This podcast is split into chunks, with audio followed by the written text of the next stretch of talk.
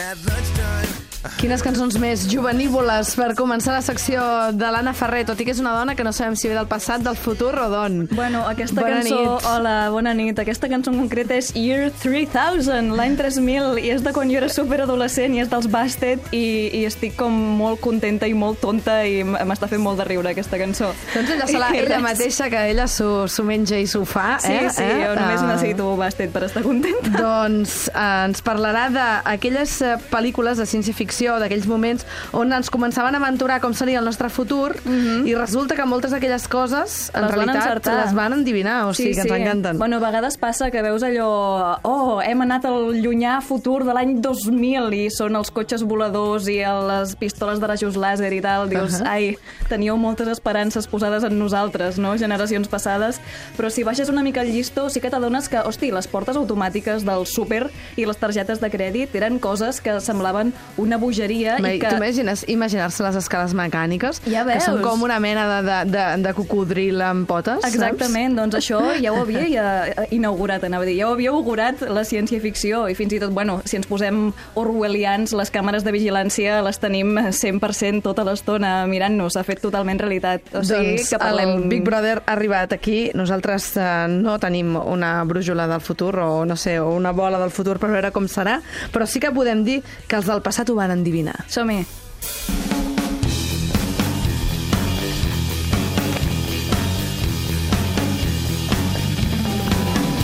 Aquest inici és una mica Batman, eh? És com És si tu Dick sempre et Tracy. posessis les mateixes sintonies, te n'adones, sí, no? sí, ho sé, ho sé, tinc un patró, però a no veure, és Dick Tracy, no és Dick Batman. Tracy, d'acord. Uh, Doncs sí, Per el on tema, comencem? el per on comencem és jo, de veritat, hi ha una cosa que a vosaltres us semblarà una parida, però que a mi encara em torna loca, que són les videotrucades. Mhm. Perquè jo recordo de petita mirar el Jetson, saps que en George Jetson el trucava al seu cap per dir-li que arribava tard a la feina i la trucada li entrava per una pantalleta que tenia al lavabo mentre estava dutxant. Jetson, Home, estàs despatxat, no? L'inspector Gadget, amb Tothom, molt, sempre hi havia... sempre tothom Ah, tenia La videotrucada. videoconferència era una cosa que ja feia anys que anava. Sí, i ara tenim Skype, i ara ho podem fer, i el tens a la butxaca, si vols. Pots parlar amb la, la teva amiga de les Filipines només eh, Mentre traient el camines pel mòbil. carrer. Exacte, jo encara ho estic flipant moltíssim. Jo encara em dic que sóc el futur cada cop que faig un Skype.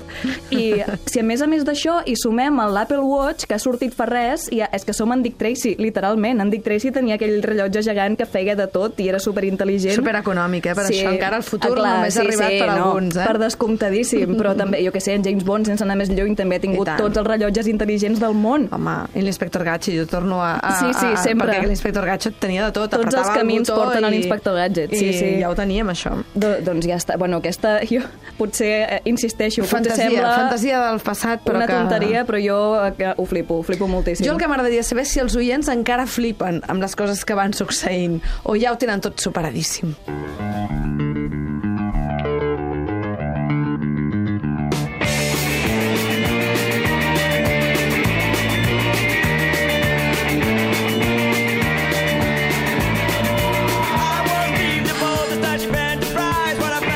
ara que venim de parlar de telèfons mòbils, eh, dues històries també que ens vols comentar. Sí, tinc dues Estàs coses- flipant ara perquè podem enviar whatsapps o què és exactament? No, no, bueno, que de fet la missatgeria instantània també l'havien... També té el seu rotllito, També eh? n'havíem parlat, però no, jo hi ha dues informacions molt importants que us Ahà. vull dir.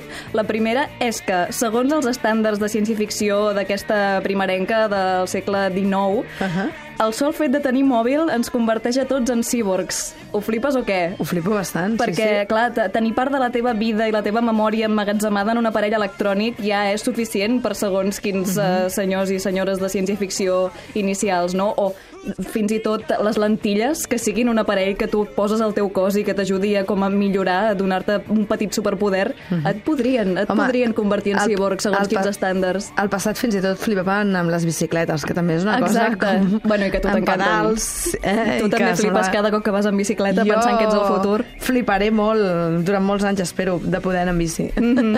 I després, la segona cosa importantíssima del telèfon mòbil és que els primers telèfons mòbils que es van crear estaven directament inspirats en els comunicadors portàtils de Star Trek. Ah, Del- sí, perquè tenen aquell, aquell... Si en teníeu algun al cotxe, eren un mamuteret enorme. Sí, aquells, bueno, Eh? que pesaven, clar, naturalment feien 5 com els de Star Trek i pesaven Mhm. també 10 vegades i podies fer un màxim de 20 minuts de trucada, però no importava perquè el braç no aguantava tant. Però sí, després, al cap d'un temps, hi vam arribar. Els telèfons aquests plegables són pràcticament iguals que els comunicadors de la tripulació de l'Enterprise. I això els va crear un senyor que es deia Martin Cooper, que treballava per Motorola i sí, que era fan de Star Trek i va dir, I jo vull, Motorola, i jo vull Motorola això. va acabar fent aquests, aquests clàssics uh, mòbils, eh, que es doblegaven així Mhm. com si fos, no sé, una avellana, una avellana. com, o doblegant-se com una avellana, és el, és el referent. Star Trek i l'avellana fan un mòbil. I ja està, és com Aquí un jeroglífic estrany. Aquí s'ha notat a les meves orígens tarragonins, no vull dir res. Tancant-se com una avellana, disculpeu-me, oients, no tinc perdó de Déu.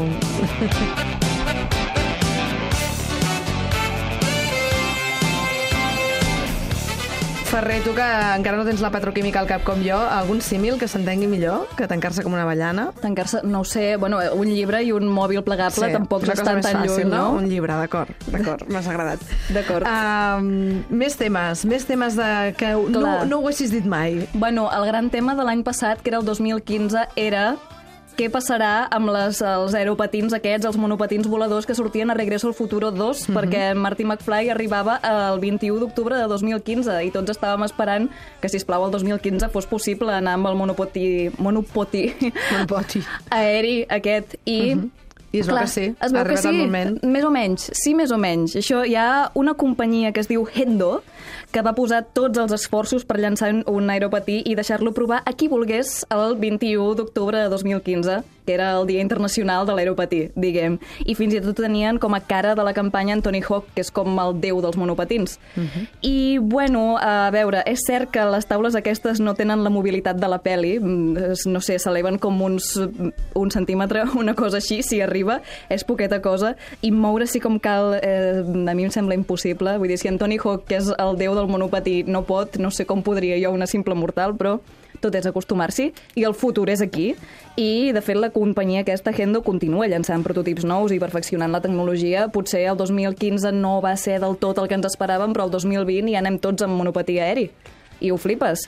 Home, jo hi ha alguns tios que, si fossin per mi, d'aquests que van a Barcelona, jo els faria volar, però d'una altra manera. M'explico? Doncs sí, deixa'm donar-te l'última dada, que, Sí? a veure, sí, avui dia també pots anar amb monopatí aeri, però el problema és que no sé si tu pots pagar 10.000 dòlars, No, no em va bé ara mateix. perquè també dubto que les criatures aquelles de Regreso al Futuro 2 poguessin pagar 10.000 dòlars, però és el que costa avui dia. Si Però no... si no et pots conformar amb les bambes, amb les bambes aquelles que es tanquen soles, Exacte, que amb- també existeixen. Que també ja estan sí, aquí. Sí, Eh? I, o pots fer una volteta de 5 minuts per 100 dòlars amb un aeropatí que et continua estant malament, però el preu és més baix, vulguis que no.